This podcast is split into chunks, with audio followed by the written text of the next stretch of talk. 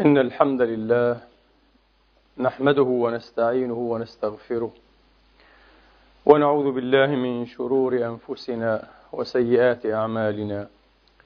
من يهده الله فلا مضل له ومن يضلل فلا هادي له. وأشهد أن لا إله إلا الله وحده لا شريك له. وأشهد أن محمدا عبده ورسوله. وصفوته من خلقه وأمينه على وحيه ونجيبه من عباده. صلى الله تعالى عليه وعلى آله الطيبين الطاهرين وصحابته المباركين الميامين وأتباعهم بإحسان إلى يوم الدين وسلم تسليما كثيرا. عباد الله أوصيكم ونفسي الخاطئة بتقوى الله العظيم ولزوم طاعته. كما أحذركم وأحذر نفسي من عصيانه سبحانه ومخالفة أمره. لقوله جل من قائل من عمل صالحا فلنفسه ومن أساء فعليها وما ربك بظلام للعبيد. ثم أما بعد أيها الإخوة المسلمون الأحباب أيتها الأخوات المسلمات الفاضلات يقول الله سبحانه وتعالى في كتابه الكريم بعد أن أعوذ بالله من الشيطان الرجيم. بسم الله الرحمن الرحيم. كمثل الشيطان إذ قال للإنسان اكفر فلما كفر قال فلما كفر قال إني بريء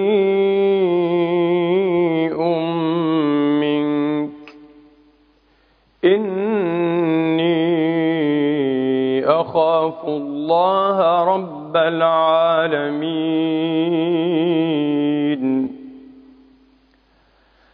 فكان عاقبتهما أنهما في النار خالدين فيها وذلك جزاء الظالمين.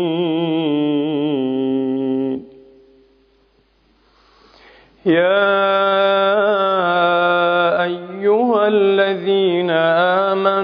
آمنوا اتقوا الله ولتنظر نفس ما قدمت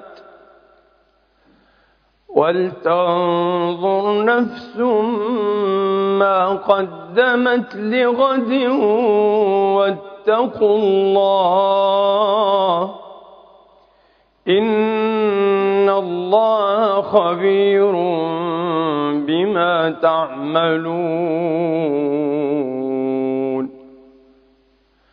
ولا تكونوا كالذين نسوا الله فأنساهم أنفسهم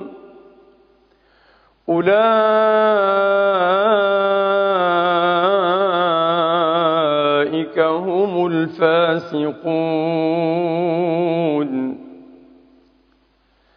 لا يستوي أصحاب النار وأصحاب الجنة. أصحاب الجنة هم الفائزون.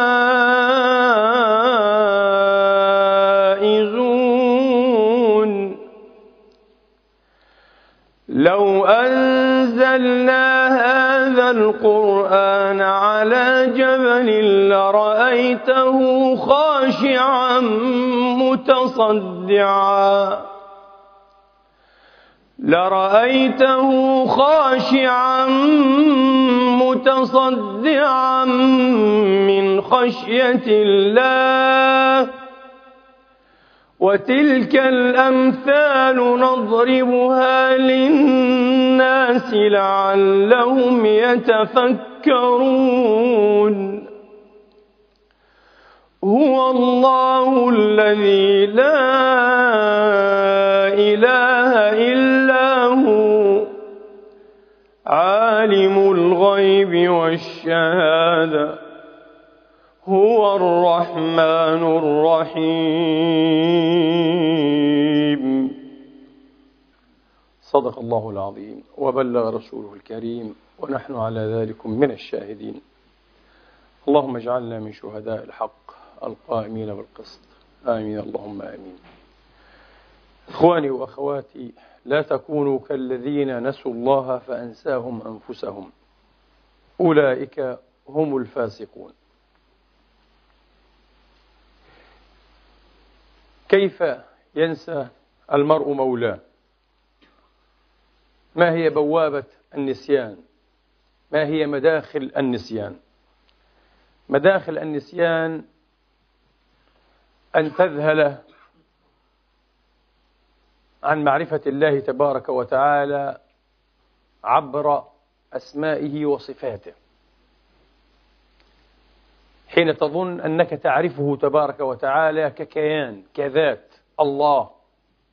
أنت تعرف الله تعبد الله تتوجه إلى الله. على أنه الله وحسب ستبدأ تنساه لكن حين تفطن إلى أن طريق معرفته سبحانه وتعالى والازدلاف إليه والاقتراب منه لا يمكن أن تطوى مراحلها إلا عبر إعادة النظر وغلغلة النظر وتعميقه وباستمرار دون انقطاع بشكل ممتد في أسمائه وصفاته. لأن ذاته لا تنال لا إله إلا هو. لأن ذاته العلية القدسية لا تنال لا بفكر ولا بوهم. فليس ثمة إلا الأسماء والصفات.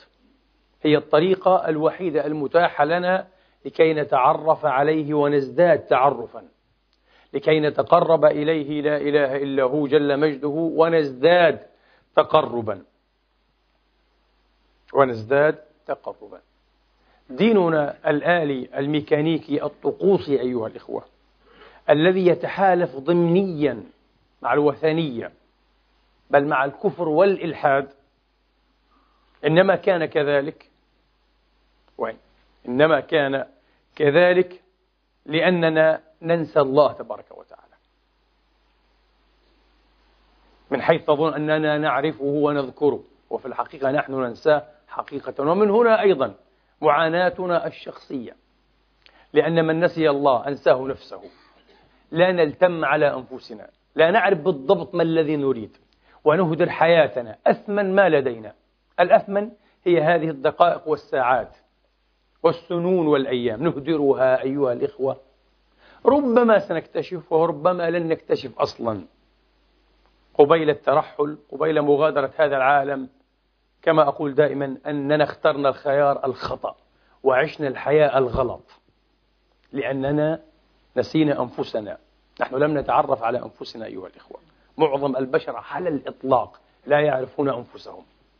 معرفة النفس أيها الإخوة مسألة مهمة جدا لمطالعة وجه الحقيقة ولإصابة الحظ من السعادة والسكينة والنضج والتكامل الإنساني عبر معرفة النفس. لكن لا يمكن للنفس أن تعرف إذا كان صاحبها ممن نسوا الله تبارك وتعالى فأنساهم أنفسهم.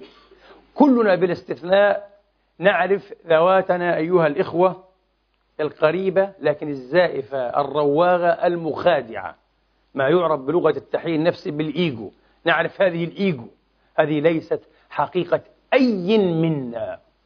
هذه الإيجو أيها الإخوة هي الذات الكاذبة الزائفة الرواغة كما وصفتها للتو التي يصنعها الآخرون يصنعها المجتمع الثقافة السائد الناس الظروف والشروط. ليست حقيقتي أنا التي أعطاني الله إياها تبارك وتعالى. ولذلك هذه الإيجو دائما تتطلع إلى رضا الناس. حين تحب تحب الناس. حين تخاف تخاف من الناس. حين تعمل تعمل للناس. ودائما تقدم كشف حساب للناس. تقدم كشف حساب للناس. للأب للأم للشيخ للأستاذ للمدير للمسؤول للمجتمع للطائفة للمذهب. كشف حساب. أنني مندمج أنني متطابق أنني متماثل أنني مثلكم تماما. فارضوا عني. يحب المديح يحب النياشين يحب النفخ والإطراء. واضح أننا إذا أيها الإخوة ذات فطيرة طفولية.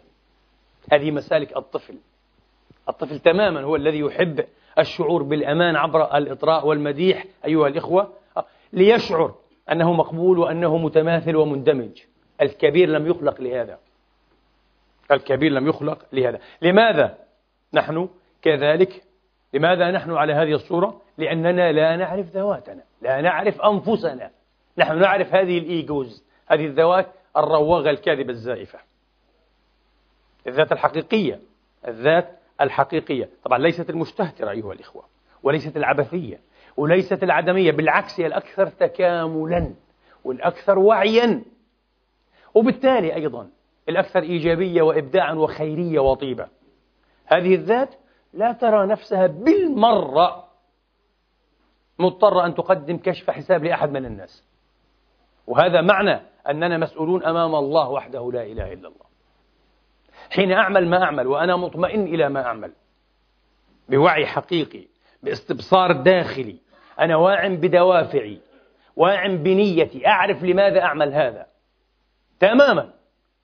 لكن الناس يتهمونني بأنني أعمل هذا من أجل هذا أو هذا أو هذا أو هذا أو ذاك. لا يهمني.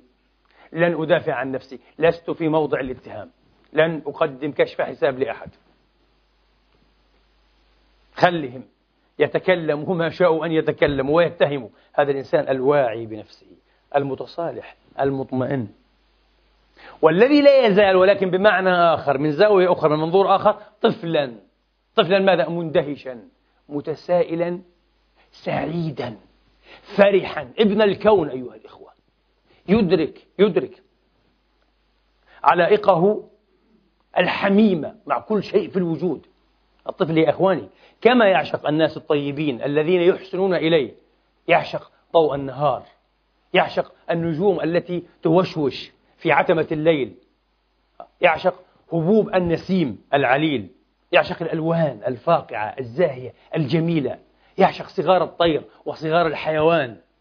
يعشق خرير الماء وملمسه وطعمه ورائحة الزهر والورود.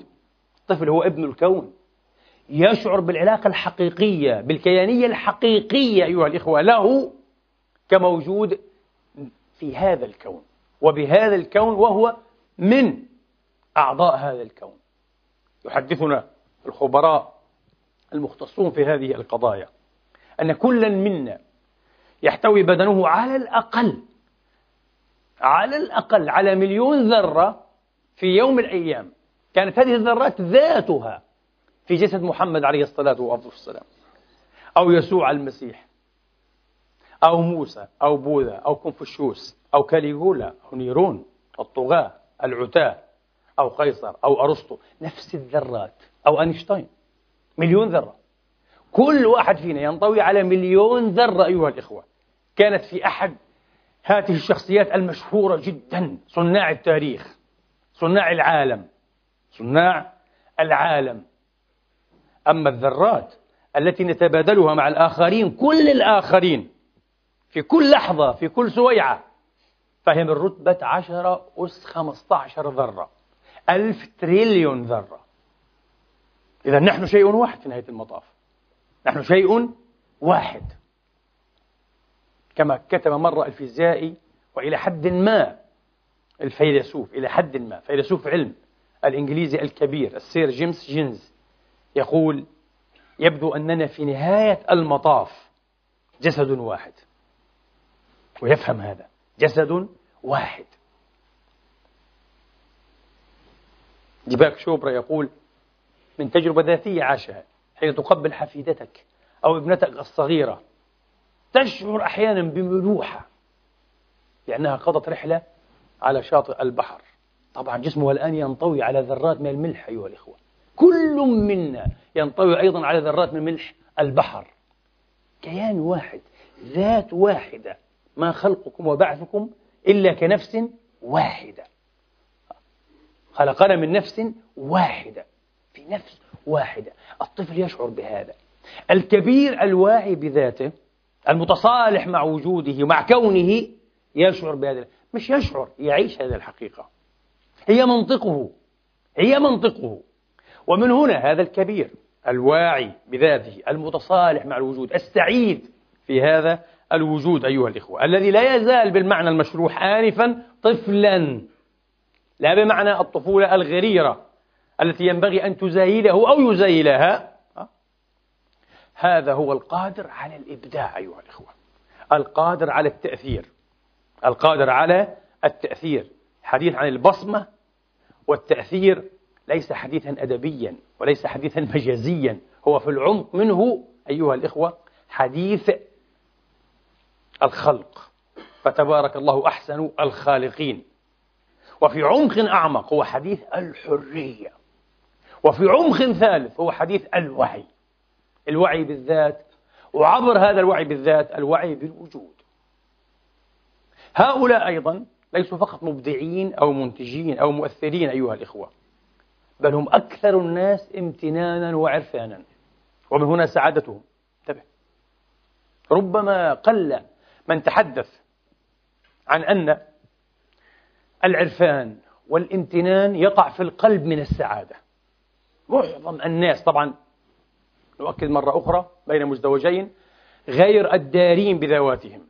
يظنون أن السعادة في المتخارج السعادة في الأموال السعادة في المناصب السعادة في الشهرة السعادة في أن تملك أيها الإخوة حتى تملك البشر. ولذلك كل أصحاب النزعات التملكية تؤول بهم هذه النزعات سريعا إلى أن يثبتوا هيمنتهم على البشر على إخوتهم في الإنسانية بسبب أو بآخر بعنوان أو بآخر. لماذا؟ لأنهم فشلوا في منتصف المسيرة. النصف الأول فاشل. هم يدركون هذا ولا يدركونه. على المستوى العاقل لا يدركونه على مستوى المشاعر أيها الإخوة والآثار يدركونه.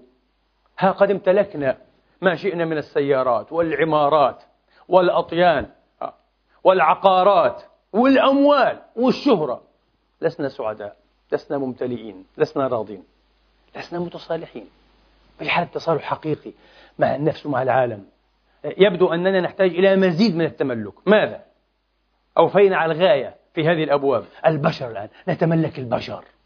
ومن هنا هؤلاء المساكين. آه. هم حقيقون بأن يرثى لحالهم يا إخواني. حقيقون أن يرثى لحالهم. يبدأ أحدهم يطير كالعصفور الحائر بين النساء. يتزوج هذه ويفجر مع هذه ويطلق هذه ثم يربع ثم يخمس. مئة مئة وخمسين دون جوان المسكين. ثم يسقط محطما في الأخير على جميع المستويات. البدنية العقلية الشعورية الكيانية. يتحطم ككيان. خرج أيها الإخوة أعظم برهان على أن حياته بالذات هذه هي الحياة الغلط. هي الخيار الغلط. لكنه لم يفهم صدقوني.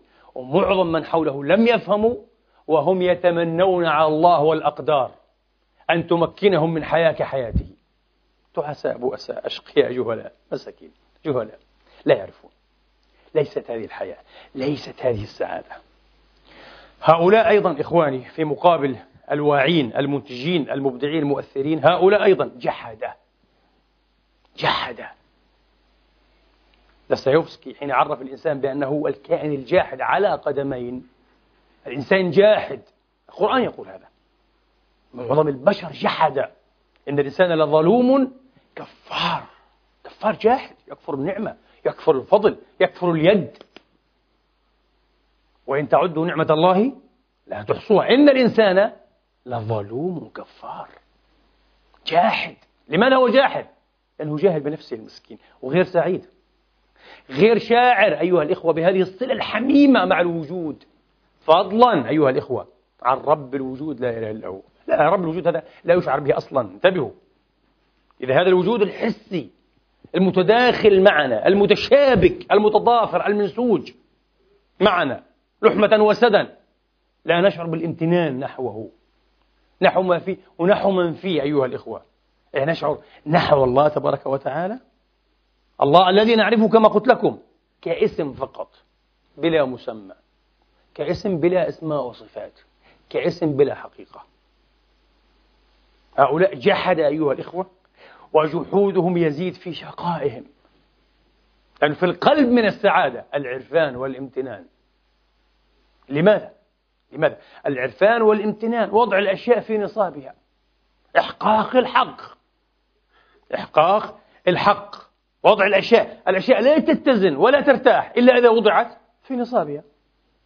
إذا لم توضع في أنصبتها لم تتزن لم تستقر. العرفان هو وضع للشيء في نصابه الامتنان. أن أقول شكرا. وقبل أن أقول أن أشعر بهذا شعورا عميقا. وذكروني وهذا مقصد رئيس من مقاصد خطبة اليوم هذا باب عظيم. تقريبا لا يلتفت إليه البتة في التعرف على الله بل في الاستدلال على الله. وأنه موجود وراع لوجوده لا إله إلا هو. العرفان. كيف؟ الامتنان. أن تقول شكرا. والقرآن يؤكد هذا. بس بطريقة عميقة جدا لا يلتفت إليها هؤلاء غير الواعين. هؤلاء التائهون أيها الإخوة الحيرة الأشقياء. لهم الله لهم الله ولنا الله. والله للكل لا إله إلا هو والله للكل لا إله إلا هو. إذن هؤلاء كما قلت أيها الإخوة أشقياء لأنهم أيضا مرة أخرى جحدة جحدة لأنهم يعيشون الأوهام. حياتهم كلها مجرد وهم. وهم ماذا؟ وهم الاستغناء. وهم الاستغناء. وهم الاستغناء أيها يضللهم عن حاجات الآخرين عن التقاط وفهم وإدراك حاجات الآخرين. ولذلك لا لدى الجحدة منطق واحد متحد. الجحد في حق الله والجحد في حق البشر. والنبي أشار طبعا واضح أنه هنا في شيء غير غير طبيعي وغير عادي وغير سطحي. وإن سطحناه نحن بسطحيتنا طبيعي. لا يمكن أن يدرك أي شيء إلا عبر مرآتنا. ما في. ما في شيء تدركه أنت إيه؟ كما هو. تدركه عبر مرآتك. صحيح؟ كل شيء. والدين مش استثناء والنصوص مش استثناء والوجود نفسه المادي مش استثناء. كل شيء لابد أن ينعكس في مرآتك. وبعدين أنت إيه؟ تراه في مرآتك. طب مرآتي محدبة؟ حيتحدب تشوه. ديستورشن مرآتي مكسرة حيتكسر كل شيء. مرآتي معتمة لن ترى شيئا. تعيش أعمى وتموت أعمى. خلد أرض. تعرف الخلد؟ حيوان الخلد. خلد أرض. هكذا. الخلد عنده حواس أخرى. يعوض بها. إحنا ما عندنا حواس أخرى. هذا هو العمل الحقيقي. ومن كان في هذه أعمى فهو في الآخرة أعمى. وأضل سبيلا. في المرآة. فعبر المرآة أيها الإخوة. من لا يشكر الناس؟ النبي يقول لا يشكر الله. ما معنى هذا؟ في العمق منه أيها الإخوة مرة أخرى أن الجحود منطقه واحد والعرفان منطقه واحد في فلسفة.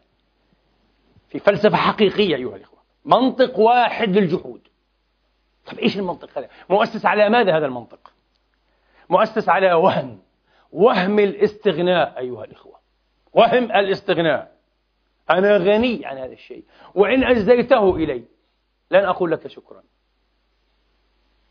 كلمة الآن سمعتها وتعلمتها. سأتظاهر بأنني لا أزال فاهما لها. أنا أفهمها قبل أن أسمعها منك. سأرددها الآن سأجاريك فيها. سأناطحك وأضع رأسي برأسك كأنني أنا الأستاذ الآن. جحود جحود جحود غريب. ومعنى ذلك أنه لم يفهم. ولم يفقه. وأنه لا يزال غريرا طفلا غريرا المسكين. يريد أن يثبت الوهم والوهم لا يثبت. ومن هنا أيضا كما قلت لكم شقاؤه وتيه وحيرته عدم استقراره. يريد أن يثبت وهما أنه غني وأنه مستغن. كلا يا رجل أنت فقير لأنك مخلوق. كل مخلوق من حيث من حيث حيثية واحدة وهي المخلوقية فقير.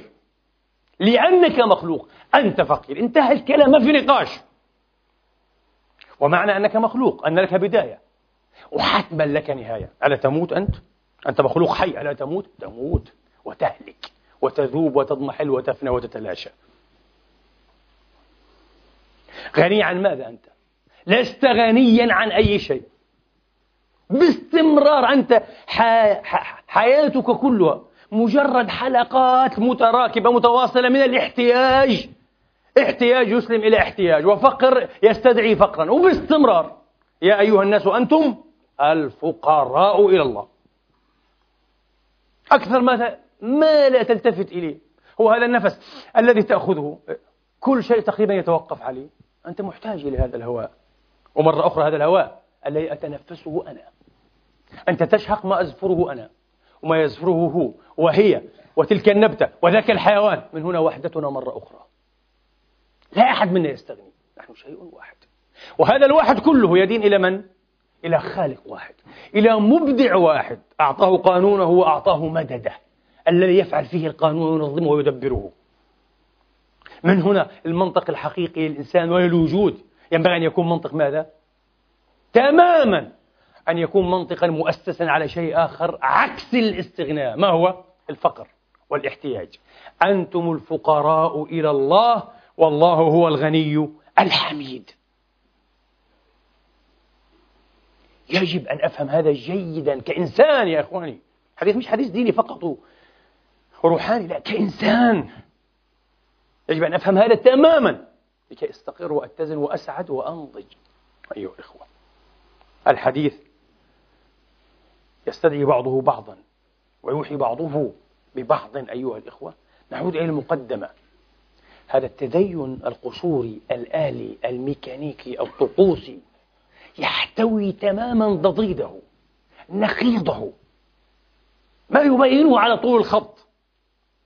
لاحظت أن كثير منا نحن معاشر العرب المسلمين المسلمين. نعبر بطريقة مفضوحة ليست طريقة مضمنة. أبدا طريقة مفضوحة عن رغبة قوية كامنة في الكفر في الإلحاد. عجيب. كيف يفعل هذا؟ كلنا يفعل هذا. مثلا مثال من أمثلة كثيرة. حل عن سماي حل عن ديني. جنن ديني. جنن سماي لماذا هي سماك واطئة إلى هذا الحد؟ هل تنال السماء بمثل هذا الهون هكذا؟ بلمس الأصبع؟ الكل أيها الإخوة يحل في سماء وينبغي أن يحل عن سماء أن يترك سماء. ودينه يجن بسرعة. هل هو هش إلى هذه الدرجة دينك؟ نعم طبعا. هذا تعبير حقيقي حقيقي. لذلك حين يستثار أو يستغضب يعبر بهذه الطريقة. جنن ديني. حل عن ديني. حل عن سماي. كافر. في الباطن هو ملحد كافر يا إخواني.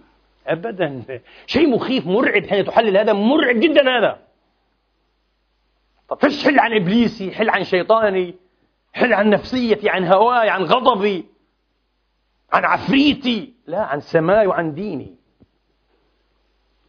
آه.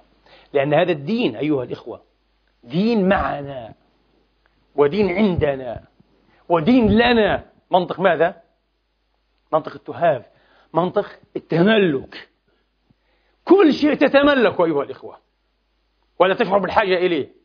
تجحده وتعامله بمنطق الاستغناء والجحد مش هذا الدين.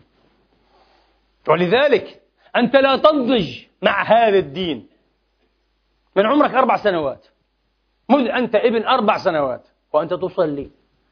ويصومونك وأنت ابن سبع سنوات. نصف يوم ولا ثلاثة أربع يوم. دين في دين يا أخي. من أربع سنوات في دين. وأنت الآن ابن ستين ابن سبعين. وعندك المنطق حل عن سماي حل عن ديني. جنن ديني. ما الذي حصل إذن؟ لم تؤمن بعد؟ سبعين سنة غير كافي أن تعرف الله وأن تعرف الدين أن تنضج في الدين في الدين وبالدين وعبر الدين. لا طبعا لأنه ما في هذه إيه؟ الظرفية والمظروفية. ما في الكلام هذا. في هذه المعية. معنا دين. الإنسان معاه دين والله يا أخي. عنده دين. بالعامية. هذا منطق. عميق جدا صحيح. فعلا عنده دين. عنده. كما عنده سيارة وفيلا. عنده دين. ها عنده دين. ما يقولوش في دين. أحيانا يقال طبعا سبحان الله هذا العقل العام العادي. يعبر بدقة فلسفية لا يفهمها لا رجال الدين ولا فلاسفة الدين حتى أكثرهم طبعا أعني. ولا أعني كلهم أكثرهم لا يفهمونها لأنهم لم يعيشوا هذه الخبرة لم يفهموا هم أبناء هذه الثقافة التي يشاب بل يخلط ويمزج. فيها الدين بالكفر والإلحاد دون أن يفهموا. لأنهم لم يفهموا حقا جوهر الدين ومعنى الدين ومعنى أن تكون متدينا. واحد يقول لي أين ذهبت بنا يا رجل؟ إحنا اليوم نتحدث لسه عن قطع الرؤوس وذبح الناس باسم الدين. نتحدث طبعا هذا هو تماما هذا هو الفرق بين مستويين. وهذا يتم باسم الدين وهذا هو جوهر الدين كما نراه. كم هو الفرق بعيد يا أحبتي يا إخواني وأخواتي؟ بين هذين الطبقين بين هذين المصافين بين هذين المستويين. بعد المشرقين. بعد السماء السابعة عن الأرض السابعة. للأسف ويعمد ويكرس هذا على أنه دين. ولا أحد يخدم هذا ويكشف عنه الستر على أنه الدين. مش على أنه دين على أنه الدين. الدين الحقيقي. بملء المعنى بملء المعنى. لا أحد يفعل هذا من أسف شديد من أسف شديد. إذا معهم دين لديهم دين لكن في دين يقول لك آه حين يتحدثون عن ولي صالح. عن رجل برهن برهن جوهرانية الدين في نفسه. برهن بذاته أيها ومسالكه بما يأخذ بما يدع بكلامه بنظراته بردود أفعاله وأفعاله. على أنه ابن دين مختلف تماما. على أن الدين عنده يعني شيئا آخر تماما. على أن الدين قادر على أن يحيي الإنسان خلقا آخر تماما. ليس مثلنا. ليس مثل أي واحد فينا. فنقول فيه دين. هذا الرجل فيه دين. آه صحيح. فيه دين وهو في الدين. وينضج في الدين. ليس مع الدين أيها الإخوة وليس بما لديه من دين. الدين الذي معي تماما. كالورقة أكثر من الورقة طبعا حافظة النقود التي أحملها. طبعا وسيلة تستخدم للمنافع والمصالح وتدبير العيش. هذا الدين هذا دين طقوسي آلي مملوك مستعبد لك أيها الإخوة. فأحري بأن لا ينجح البتة في أن يغير فيك أي شيء نحو الأصلح. هذا هو الدين. آه. لا يفعل شيء. ولذلك هذا متحالف في باطنه. كما قلت لكم مع الشرك والوثنية والكفر والإلحاد وأي استفزاز لصاحبه يسفر عن وجهه الملحد الحقيقي. هو ملحد حقيقي. ويشد الناس معطون شعورهم. كيف متدين؟ أحيانا عالم دين وشيخ بلحية كيف باع دينه وضميره بفلوس ونقود؟ حاتي هو باع ما لديه من دين مش دينه الذي عاش ونضج فيه. لو عاش ونضج فيه لا يمكن أن يبيعه حتى يبيع كيانه ووجوده ومستحيل. هو يريد شيئا. يدفع ثمنا لشيء من أجل أن ماذا؟ أن يثري وجوده وذاته. في هذه الحالة طبعا الإيجو الذات المراوغة الكاذبة. أما ذاك لكي يثري وجوده الواعي الناضج لا يمكن أن يفعل هذا المال ولا الشهرة ولا المنصب أيها الإخوة ولا أي شيء في الوجود. يفعله مزيد من طي المراحل إلى الله تبارك وتعالى. إلى التقرب من الله تبارك وتعالى. إلى عبادة الله إلى التعرف على الله تبارك وتعالى. المزيد من هذا يفعله فقط. ولا شيء آخر. ولا شيء آخر. للأسف بقي لدينا زهاء عشرين دقيقة. ينبغي أن ندلف إلى عمق موضوعنا أيها الإخوة. كما تعلمون خطبة شتوية. للأسف الشديد. أيها الإخوة نأتي الآن إلى العرفان والامتنان. سببا سببا إلى الله. طريقا إلى الله. طريقا إلى الله تبارك وتعالى. كيف؟ كيف أيها الأخوة؟ وأعتقد أننا مهدنا ممهدات وقدمنا مقدمات تعين الآن على استجلاء بعض أعماق هذا المعنى معنى العرفان والامتنان معنى الشكر. من أهمها؟ من أهمها. أنه ينبغي أن نكون واعين بالأساس الحقيقي بالصخرة الصخرة المقدسة التي سنؤسس عليها ملكنا. مش الفيلا وكذا الملك ملكي سأسسه على هذه الصخرة. صخرة ماذا؟ الفقر والاحتياج. صخرة الفقر والاحتياج. مش صخرة الاستغناء. انتبه. صخرة الاستغناء أيها الإخوة. لا يمكن أن يؤسس عليها إلا بناء متهافت مهما علا. طبعا لديه ملايين. عشرات النساء عشرات المراكب ملايين الأتباع. قائد تاريخي كبير. كله كلام فارغ.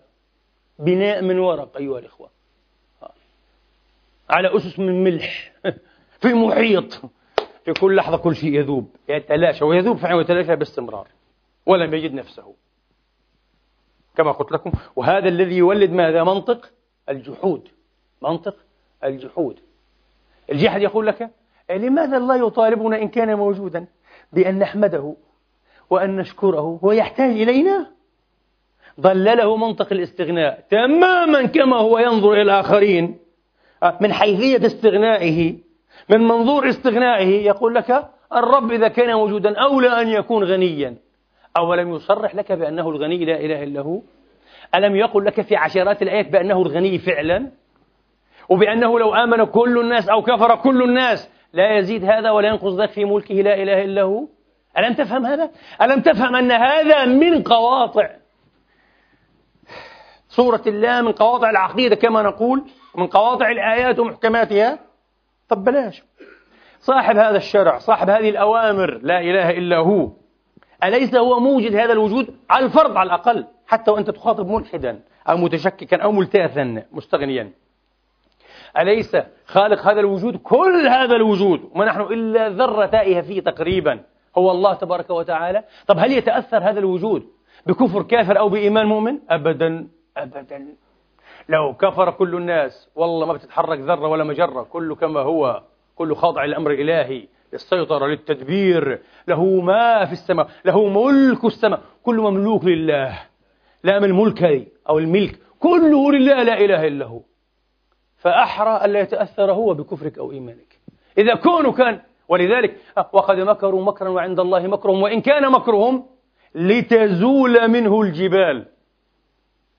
كثير من العلماء رأوا أن إن هنا وإن كان النافية. يعني وما كان مكرهم لتزول منه الجبال على أن اللام هنا لام الجحد أو الجحود. مثل التي في ما كان الله وما كان الله ليغفر لهم. لام الجحود. لام الجحود بعد صيغة لم يكن أو ما كان. لكن هنا قالوا بإن. وهذا شاذ عن قاعدة. على كل حال لا علينا. كثير من العلماء قالوا اللام هنا للجحود وإن للنفي. يعني وما كان مك... الله يقول وما كان مكرهم لتزول منه الجبال. الله يقول لك امكر اكفر افعل ما تريد تخابت تعفرت تشيطن أه؟ تمرد أو تمردن. الكون لن يهتز. أحرى ألا أهتز أنا ألا أتأثر أنا لا إله إلا أنا. لا إله إلا الله. شيء عجيب. حتى وإن أخذنا الرأي الذي رجحه ابن هشام في المغني وغيره قال لا إن هنا إيه؟ شرطية. وإن كان مكرهم لتزول أولام كي هنا. اللام لام التعليل يعني لام كي. لكن الله يقول ماذا؟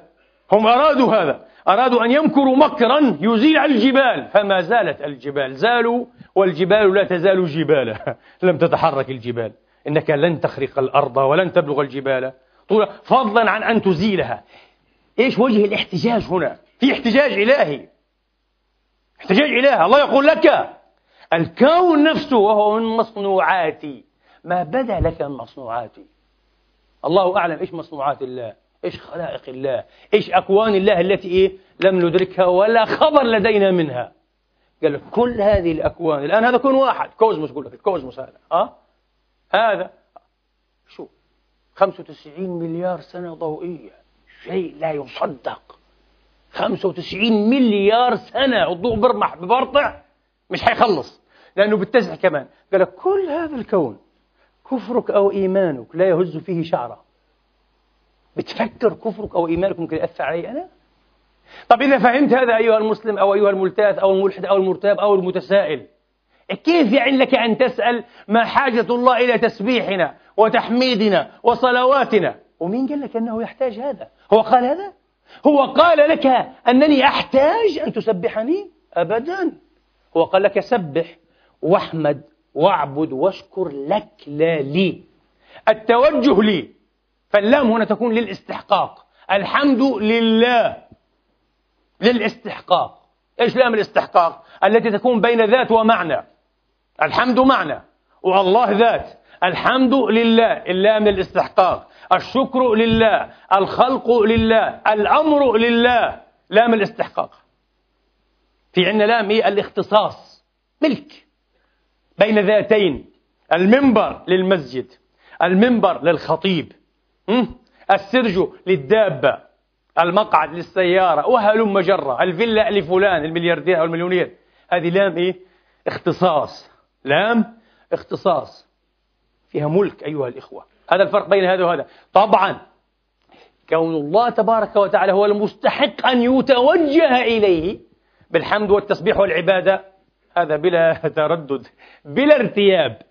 لكن إذا كان مستحقا وإليه التوجه بالعبادة والحمد والتسبيح والشكر هل يعني هذا مرة لحظة لحيظة من الدهر أنه يحتاجه؟ أبدا أبدا.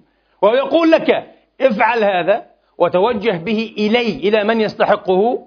من أجلك أنت. ليش من أجلي؟ حتى تعرف ذاتك. حتى تعود وتدرك المنطق الحقيقي الذي ينبغي والأساس الحقيقي الذي ينبغي أن تقيم عليه ملكك مملكتك الصخرة المقدسة. تدرك صخرتك. ما هو؟ الشعور بالفقر. وبالتالي يولد الشعور بالفقر الحاجة إلى الاعتراف أيها إلى الامتنان. أشكرك يا رب. أحمدك يا رب. تريد أن تطمئن على إيمانك أو يا أختي أن تطمئني على إيمانك؟ اصبر. اصبر. افحص عير رز. الطيف الذي تتحرك فيه امتنانيا عرفانيا. طبعا كل واحد فينا حين يرزق بمبلغ من المال ببيت جديد سيارة جديدة شهادة درجة علمية منصب طفل جديد أيها الإخوة. شيء يحبه شيء يدغدغ الإيجو الذات المراوغة الجاهلة المسكينة هذه صنيعة المجتمع. صنيعة المجتمع والثقافة والسائد. يشعر بالامتنان والعرفان. وبطريقة أيضا ميكانيكية آلية. الحمد لله رب العالمين. يا رب لك الحمد والشكر. آليا آليا. الإله لم يعرفه جيدا. وبعد ذلك يطول عليه الأمد ينسى تماما أبدا. المؤمن الحق وهو إنسان حق وهو واع دائما وبشكل ممتد بل بشكل متكامل متنام يتنامى باستمرار وتعملق لا يمكن أيها الإخوة إلا أن يظل ممتنا عارفا في كل لحظة من اللحظات للأشياء التي لا نكاد نحن نشعر بها أو نحس بها. يشعر هو دائما بهذا الامتنان. وهذا عبد الله حقا. وهذا هو الإنسان. والإنسان العميق. والإنسان العميق يا إخواني. سأختم بضرب مثل. قامت حرب. كانت الحروب المجنونة. الحمراء الضروس التي تثور هنا وهناك من أجل أهواء الآلهة الملعونة الزائفة. ضل قوم ضل قوم ظنوا أن الآلهة هي تلك البائدة مثل اللات والعزى ومنات الثالثة الأخرى. ولم يفطنوا إلى أن الآلهة متكثرة بعدد الأهوية والرغائب. أرأيت من اتخذ إلهه هواه؟ آلهة لا حدث لها ولا حدث كلها تنتج وثنيات مستمرة. تحجب ضوء التوحيد أيها الإخوة. مشهد التوحيد الحق وبالتالي فرصة العرفان. التعرف الحق على الله لا إله إلا هو والوصل به. الشبك مع السماء للأسف هذه الآلهة. بسبب هذه الآلهة الملعونة الزائفة تثور حروب دائما هنا وهناك وتسعر نيران هذه الحروب. وباسم السياسة وباسم المصلحة وباسم الدين دائما للأسف الشديد. في حرب من هذه الحروب. إن شئتم في إعصار مدمر. ما الإعصارات؟ العاتية المنفلتة في كارثة جوية أو كارثة تحطم قطار أو اصطدام سيارة بسيارتك العائلية التي تحمل عائلتك كلها عشرة أنفارها أو سبعة أنفارها مرة واحدة. حصل بعد هذه الحرب بعد هذا الإعصار بعد ذاك الطوفان إلى آخره بعد هذا الاصطدام أيها الإخوة أنك وجدت نفسك ملقا على السرير في مشفى. بعد أن فقدت الوعي لخمسة عشر يوما. هذه أول لحظة تستفيق تستعيد فيها وعيك. أول ما تسأل ستسأل تلقائيا عن الأحب إلى نفسك عن فلانة البنت أو الزوجة أو فلان الابن. ماذا حصل؟ الحمد لله هو بخير. أستحلفكم بالله؟ والله هو بخير. أين هو؟ في غرفة أخرى في العناية المركزة لكن هو بخير. ستجرى له عملية. الله أكبر. يبدأ كل التركيز الآن أن ينجيه الله تبارك وتعالى. بعد قليل تثوب إلى وعيك. طب ما فعلت فلان الآن؟ الزوجة. تشعر قليل من الخجل والعار هذه الزوجة. شقيقة الروح رفيقة درب الحياة. أم أبنائك هؤلاء زهراتك هي هي. الآن لابد أن أسأل عنها. الحمد لله. جيدة لكن لا تزال في الغيبوبة. لا أريد الوقت. يسابقني ويسارقني أيها الإخوة. من هذه اللحظة وعلى ما بعدك سبعة أيام فقط سيتغير كل شيء. وفي الإنبان سوف تعلم أن جارك بعائلة مثل عائلتك تقريبا بستة أنفار أو سبعة أو عشرة لم يبقى لم يبقى إلا الزوجة والكل هلك وطبيعي في الكوارث كلهم هلكوا. أما العائلة الفلانية لم يوجد منهم أحد. دفنوا تحت الردم. غرقوا في اليم. خذهم الطوفان أيها الإخوة. وهم يائسون. عجيب وهكذا حال العائلة الثالثة والرابعة والعاشرة. أنت الآن أعظم المونة عندك أن تحظى بعدد أزيد. الزوجة موجودة لعل الله ينجيها. وهذا الابن الحبيب. وهكذا. ولكن تخشى الآن أن تسأل عن البقية. أنت وجل من أن تسأل. حتى لا تسمع جوابا لا تحبه. على ما بعد ما بعد سبعة أيام من اللحظة سوف تبشر بخبر أن الكل ناج. شعر بدني الآن وأنا أتكلم عن حادثة لم أعيشها وأسأل الله ألا أعيشها وألا يعيش أحد منكم أو منكن. الكل نجا.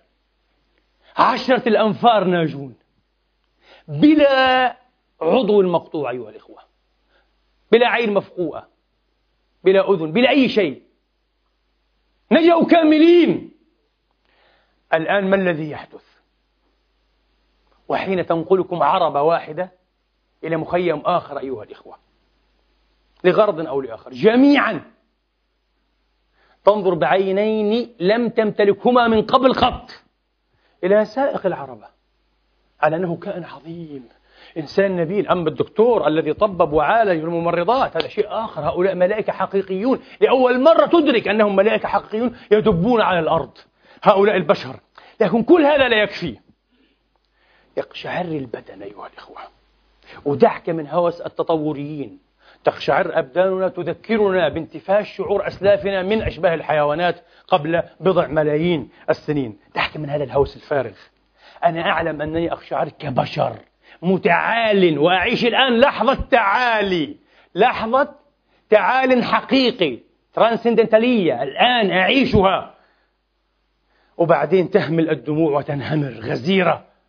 وينعقد اللسان لأن اللغة تتقاصر تتقزم. تدرك تواضعها أيها الإخوة. ويغمرك من أخمصك إلى آخر شعرة في أعلى مفرقك. شعور بالعرفان بالامتنان. إن كنت مسلما مسيحيا يهوديا كذا تقول الحمد لله. يا رب لك الحمد. وترسل النظر إلى السماء العالية. إن لم تكن مسلما أو يهوديا أو مسيحيا أو موحدا قد تكون ملحدا. سيقشعر بدنك. ستفيض عيناك بالدموع وستشعر بلحظة التعالي هذه. والله! أسأل هؤلاء الملاحدة الذين عاشوا هذه التجربة. الآن السؤال لمن تتوجه بهذا الحمد بهذا العرفان بهذا الشكر؟ إياك أن تقول لي الأقدار. الأقدار تحيل على الله وأنت لا تؤمن بأقدار لأنك ملحد. لمن؟ إياك أن تقول لي للطبيعة. الطبيعة هي التي دمرتك. الطبيعة هي التي دمرتك.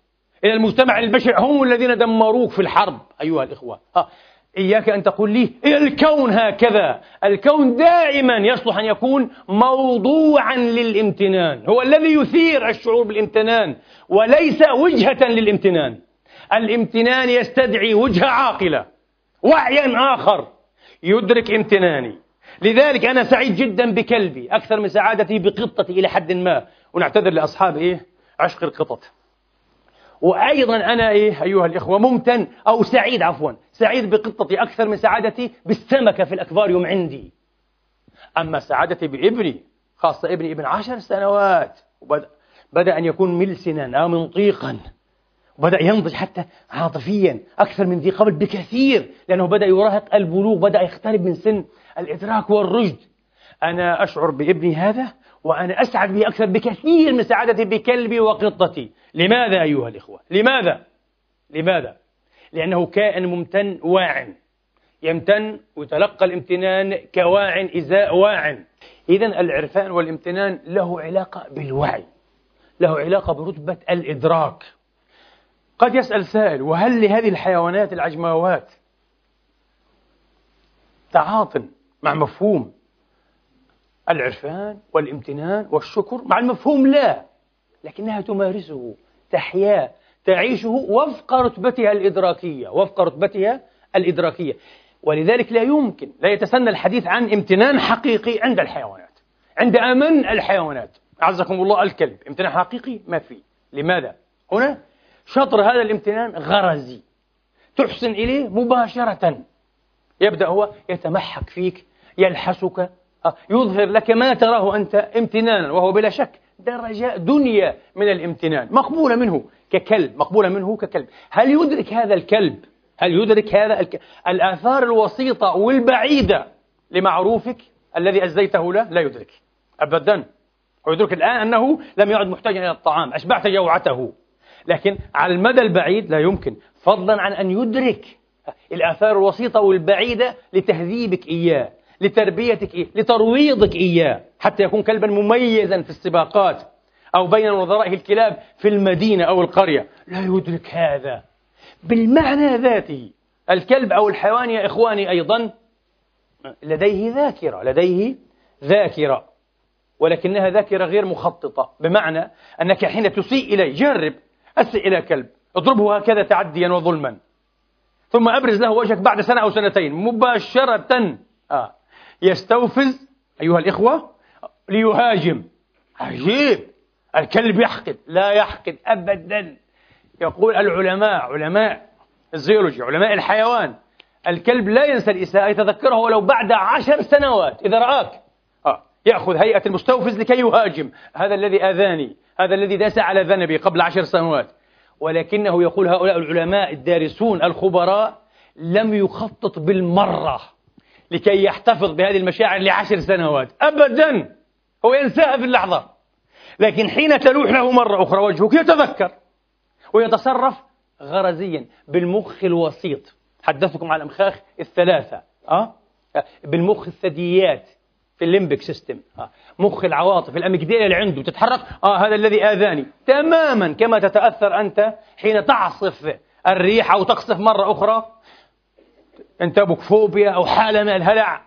لماذا؟ لأنك مررت بتجربة دمرت فيها الريح شيئا من بيتك وربما جرحتك أو قتلت أحدا من أولادك. نفس الشيء. هذه مسألة لا علاقة لها بالوعي آه، بالمخ الحديث بمخ الإنسان. فالكلب لا يخطط لسنة أو سنتين ولا لعشر سنوات. يتصرف برد فعل غرزي. امتنانه من النوع ذاتي من النوع آه، الإنسان شيء مختلف. الإنسان يمتن أيها الإخوة مدركا. آثارا قريبة أو وسيطة أو بعيدة للخدمة للنعمة أيها الإخوة. تذكر دائما أنك تعيش في نعم موصولة من الله تبارك وتعالى. في كل شيء. حاول أن تتفلسف أن تكون فيلسوفا كبيرا في أن تلتفت إلى ما لا تلتفت إليه في العادة. من هذه النعم باستمرار باستمرار. نعود لكي نحوصل أيها الإخوة. أساس الشعور بالعرفان والامتنان. إزاء الله لا إله إلا هو أكبر منعم أكبر مان لا إله إلا هو والمن لله وحده والمن لله وحده وأيضا بإزاء المانين المنعمين من البشر مزدي النعم والأيادي البيضاء من البشر. الأساس واحد الأساس واحد. نعود مرة أخرى لكي نحوصل. ما هو؟ الشعور بالاحتياج وعدم الوقوع والتورط فريسة في براثن وهم ماذا؟ الاستغناء. كل الكفر أيها الإخوة كفرهم في الحقيقة. آه، كفر استغناء. آه، كله في نوع من الاستغناء حتى كفر الإعراض وكفر الجحود أيها الإخوة وكفر الكبر كله في الأخير في العمق فيه استغناء. يظن أنه مستغن المسكين هذا. لا لا لا أنت بارئ بإذن الله. تبرأنا الله وإياكم من هذا الشعور اللعين من هذا الشعور الجاحد الكفور شعور الاستغناء. طبعا إزاء الله يكون أوضح وأكثر سفورا وتجليا. ما هو؟ شعور الاحتياج والفقر وأننا لا نستغني عن رحمته لا إله إلا هو مع أن الناس يتفاوتون. واضح جدا أنك حين تلتقي بفقير معدم مسكين بسيط خال من أسباب الحياة فطبعا أسباب الرفاه أنك تتعامل مع إنسان واضح ظاهريا بحسب الظاهر أنه أقرب إلى مشاعر العرفان وإلى تأكيد أساس الاحتياج من إنسان غني راكم الملايين أو الملايير. هناك تشعر مش عند الكل عند البعض بلمسات غير إنسانية. إيش الغير إنساني هنا؟ مش شرط أن يكون التوحشي غير اللائق بالإنسان. أنا كإنسان كمخلوق اسم الإنسان تليق بأشياء. كما قلت من حيثية المخلوقية. أس هذه الأشياء. الفقر. أنتم الفقراء إلى الله. والله لو راكمت أموال قارون والله لو صرت ملك الدنيا كلها بل ملك العوالم السبعة والجزائر السبعة والله لا يزايرك الاحتياج والافتقار يا مسكين. برغوث يؤذيك فيروس يقضي عليك. ملك الموت في الأخير آه يضع حدا لهذه الحياة المستطيلة عريضة كانت أو عميقة أو غير ذلك. لكنهم للأسف لا يدركون هذا وتقريبا يعربون عن منطق مختلف. تشعر هناك بجفاف الاستغناء. أليس كذلك؟ بغرور الاستغناء بفخر وضحالة الاستغناء.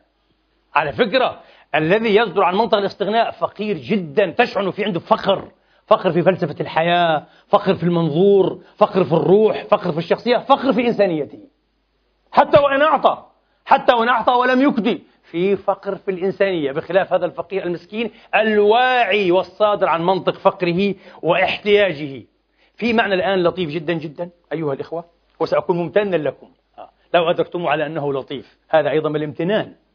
النظرات الحانية أيها الإخوة آه. الأعين المفعمة بفرحة وسعادة أنها فهمت وأدركت شيئا جديدا هذه نعمة علي أنا كملقي ومتكلم وأمتن لها أيضا.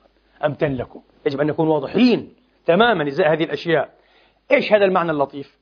أنت حين تنطلق من المعنى الأكثر سفورا وتجليا وهو عدم الاستغناء بإزاء الله عدم الاستغناء عن نعمة الله عن رحمة الله. إني لما أنزلت إلي من خير فقير. موسى يقول إلى رغيف خبز قالوا أنا فقير. إلى شربة ماء أنا فقير يا رب. وطبعا بالأحرى فقير لما هو إيه؟ فوق ذلك. إلى زوجة صالحة إلى مسكن إلى مأوى ومأمن آمن فيه من مطاردة الفرعون اللعين وقومه. كل هذا أنا إليه فقير. بس أنا فقير إلى ما لا يظن الناس أنهم إليه مفتقرون. إلى كسرة خبز وشربة ماء. أيها الإخوة كرعة ماء. أنا فقير إلى هذا. حين تنطلق من هذا وتصدر عنه ويوجب عليك منطقا جديدا تتسلح به ما أحلاك ما أجملك كإنسان كصديق كزوج كمعلم كأستاذ كوزير كرئيس كقائد سيارة أيا تكن. أيا تكن. لماذا؟ وحاول أن تختبر هذا في نفسك. سأترك الجواب لديك. حين تعد لك زوجك طبخة هنية وجبة ممتازة مما تحب. واحد بحب المحاشي واحد بحب الكبب واحد بحب السلطات المهم مما تحب. هل تشعر بالامتنان؟ مع أن البيت بيتك أنت اشتريته. مع أن المال مالك وأنت تغدق عليها تشعر بالامتنان الحقيقي. لماذا؟ مش واجب عليها كانت تخدم لي. مش واجب عليها تطبخ لي. مش من ناحية شرعية من ناحية إنسانية بمنطق الفقر والاستغناء. مش لازم كان. مش لازم أن تجود هذه الطبخة. أنا كلفتها إيه؟ الكثير لكي تفعل هذا المسكينة تشعر بالامتنان. مع أنك في هذا اليوم بالذات أهديت هدية بأربعة آلاف يورو. هذه طبخة أنت تأكل أحسن منها في أحسن مطعم في البلد بمئة يورو. أنت أعطيتها أربعة آلاف وتشعر بالامتنان. أنت عظيم أنت جميل.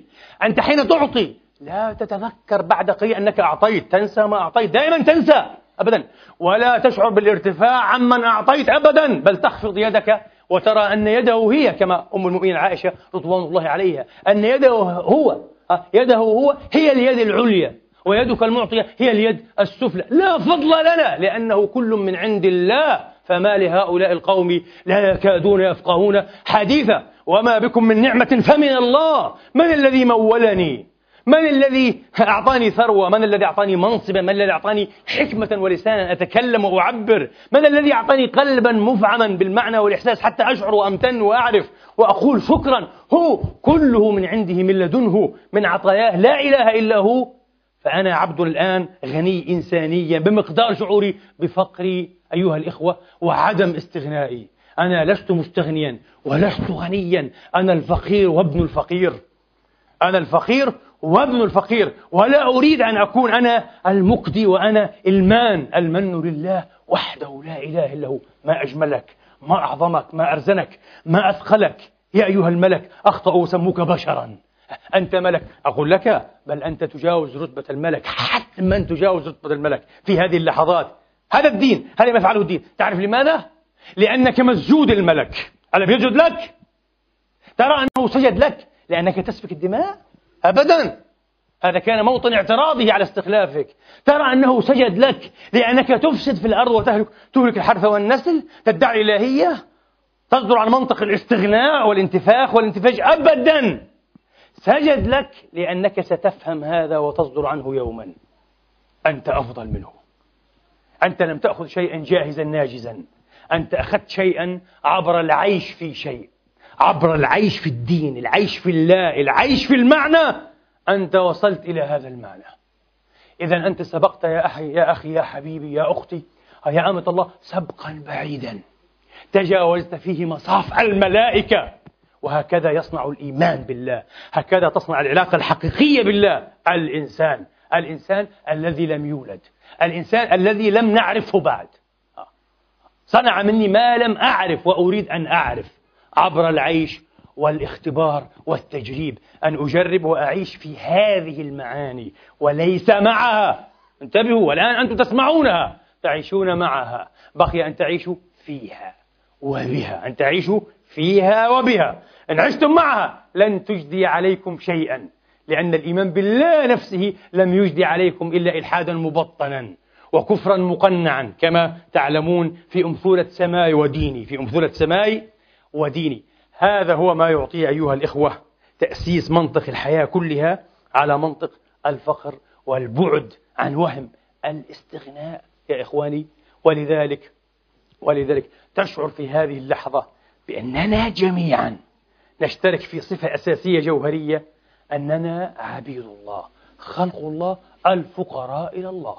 افتقار نجم أو مجرة بعيدة أو عصفور بلله القطر أيها الإخوة أو دودة تسعى إلى منجاتها أو جريح في حرب يسعى إلى شفائه ومعافاته ومعاودة النظر في عيون أطفاله. كلنا ذاك الشيء أنتم الفقراء إلى الله والله هو الغني الحميد. أقول قولي هذا وأستغفر الله لي ولكم.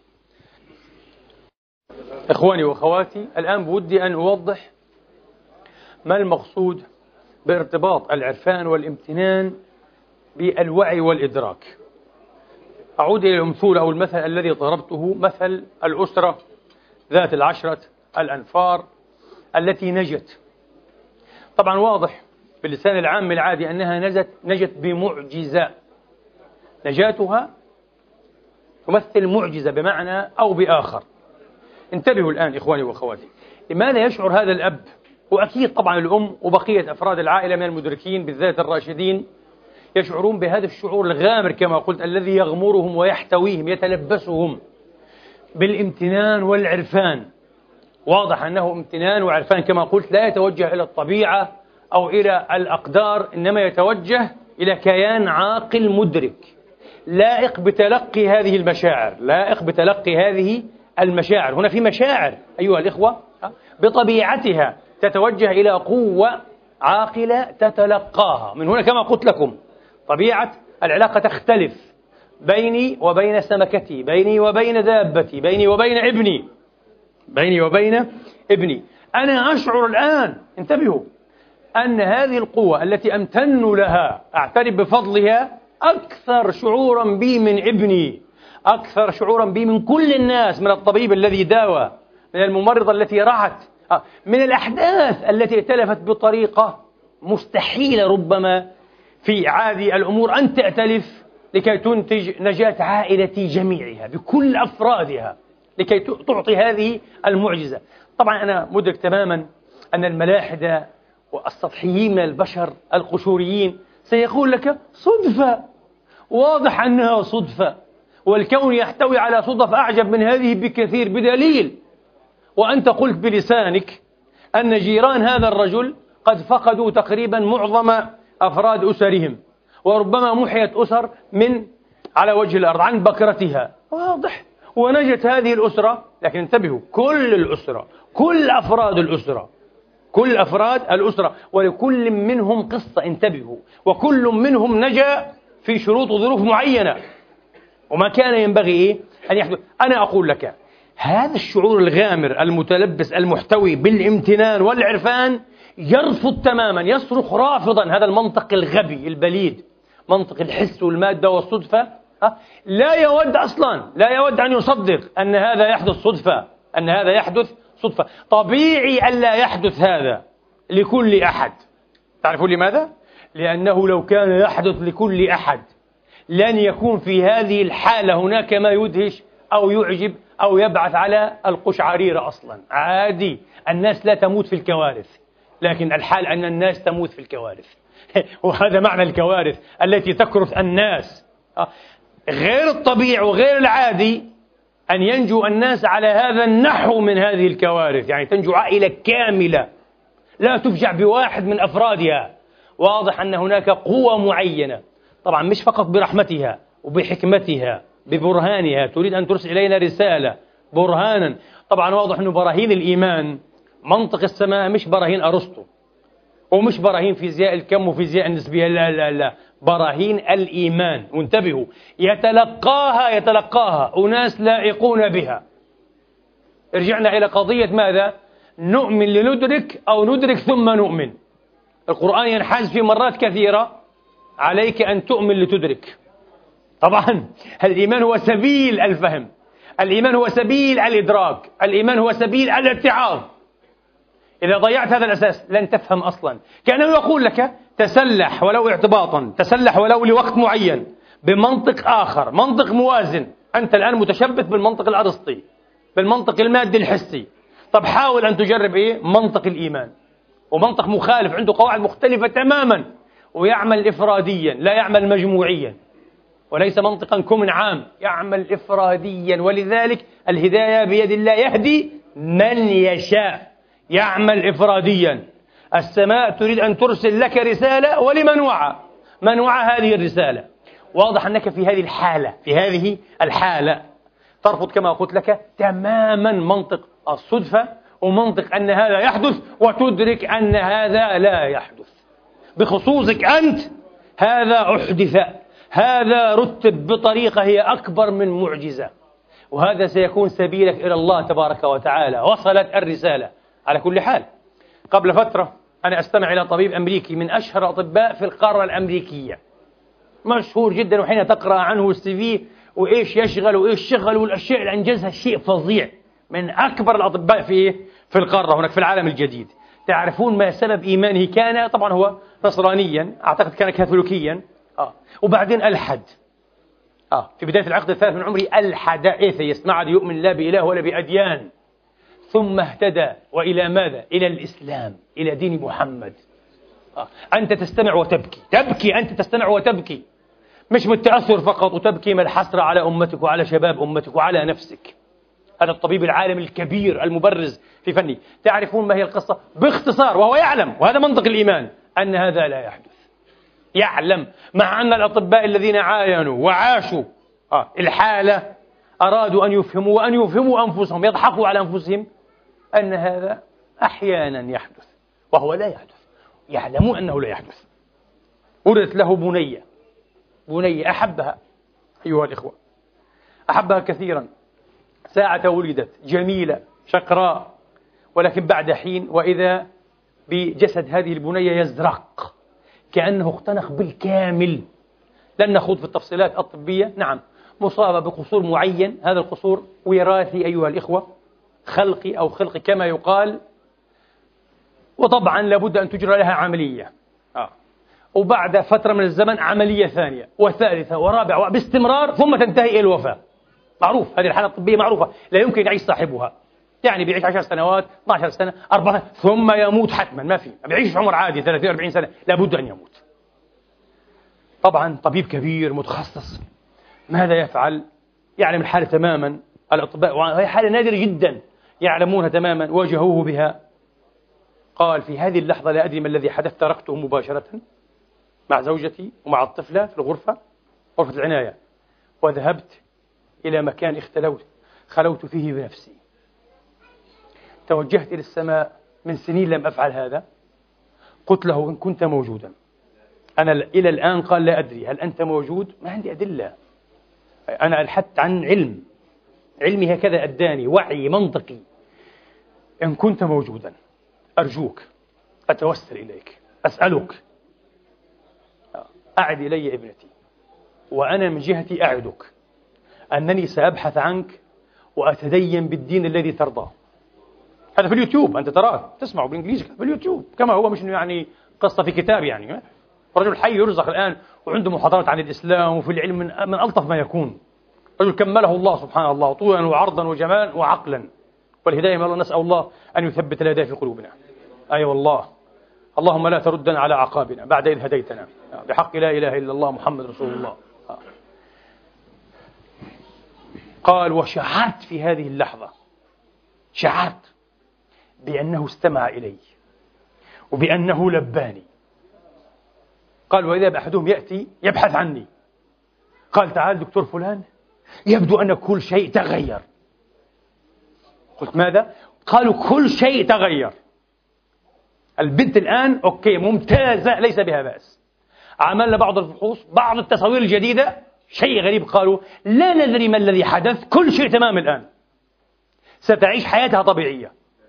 عادة طبيعية. بغير عملية بغير شيء. ألم تحدث الآن معجزة؟ واضح أنها معجزة. قال أنا وقفت لم أعلق بشيء لأنني فهمت هم لم يفهموا. يهزون رؤوسهم. لا ندري ما الذي حدث قالوا ولكن قد حدث يحدث. ممكن يحدث. قال تركتم لأنهم لن يفقهوا عني. بعيد جدا يفقه يقول لهم أنا اختليت برب. لم أكن مؤمنا به. كنت مترددا. ونجيت بهذه النجوى ولباني. كانت انجليت ما يفهموش سبحان الله. بدون منطق خطي منطق حسابي. منطق الإيمان ليس منطقا خطيا. ليس منطقا. ولذلك أنا أقول لكم صدقوني صدقوني. الحجة عندك وأقرب إليك من حبل وريدك. لا تقول لي ألحدت عن علم ألحدت عن ضلال ضللوني أقنعوني.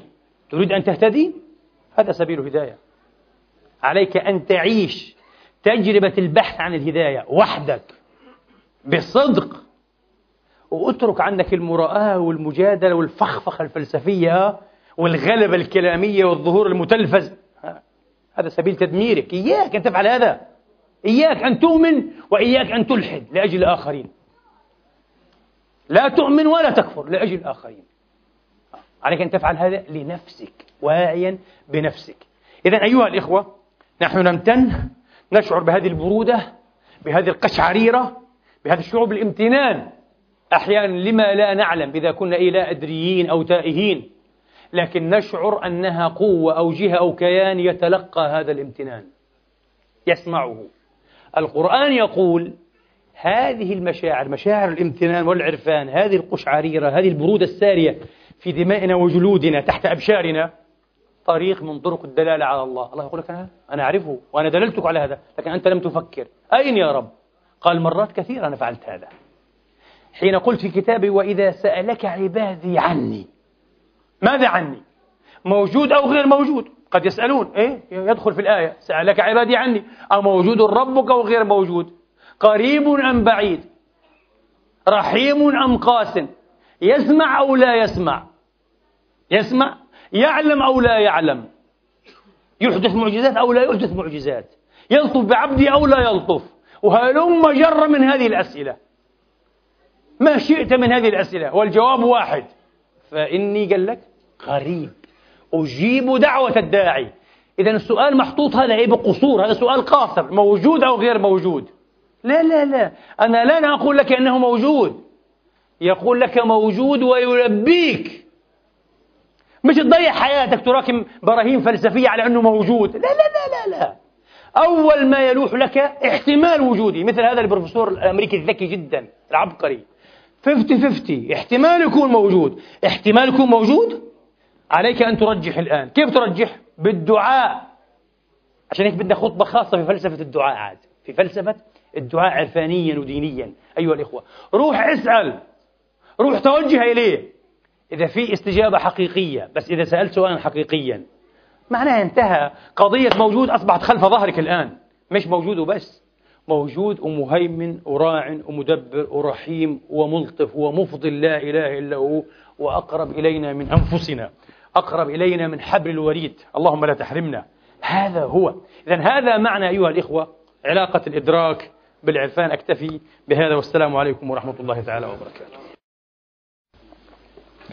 الحمد لله.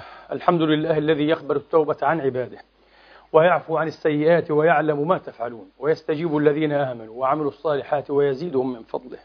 والكافرون لهم عذاب شديد وأشهد أن لا إله إلا الله وحده لا شريك له. وأشهد أن محمدا عبده ورسوله صلى الله تعالى عليه وعلى آله الطيبين وصحابته المباركين وأتباع بإحسان إلى يوم الدين. اللهم اهدنا فيمن هديت وعافنا فيمن عافيت وتولنا فيمن توليت.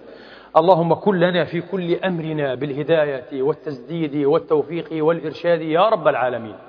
فإن شيئا من ذلك لا يقدر عليه إلا بتوفيقك ومنك وإفضالك. لا إله إلا أنت سبحانك إنا كنا من الظالمين. اللهم عرفنا بك وعرفنا إليك ودلنا عليك دلالة الصادقين ومعرفة العارفين الوالهين العاشقين يا رب العالمين. ولا تحرمنا من نظراتك التي تغير جواهرنا إلى جوهر ترضاه وتسعدنا به وتنجينا به في الدنيا والآخرة. لا إله إلا أنت سبحانك إنا كنا من الظالمين. اللهم اغفر لنا ولوالدينا وللمسلمين والمسلمات المؤمنين والمؤمنات الأحياء منهم والأموات بفضلك ورحمتك إنك سميع قريب مجيب الدعوات. أغننا بالافتقار إليك ولا تفخرنا بالاستغناء عنك يا رب العالمين. عباد الله إن الله يأمر بالعدل والإحسان وإيتاء ذي القربى وينهى عن الفحشاء والمنكر والبغي يعظكم لعلكم تذكرون. وأقم الصلاة.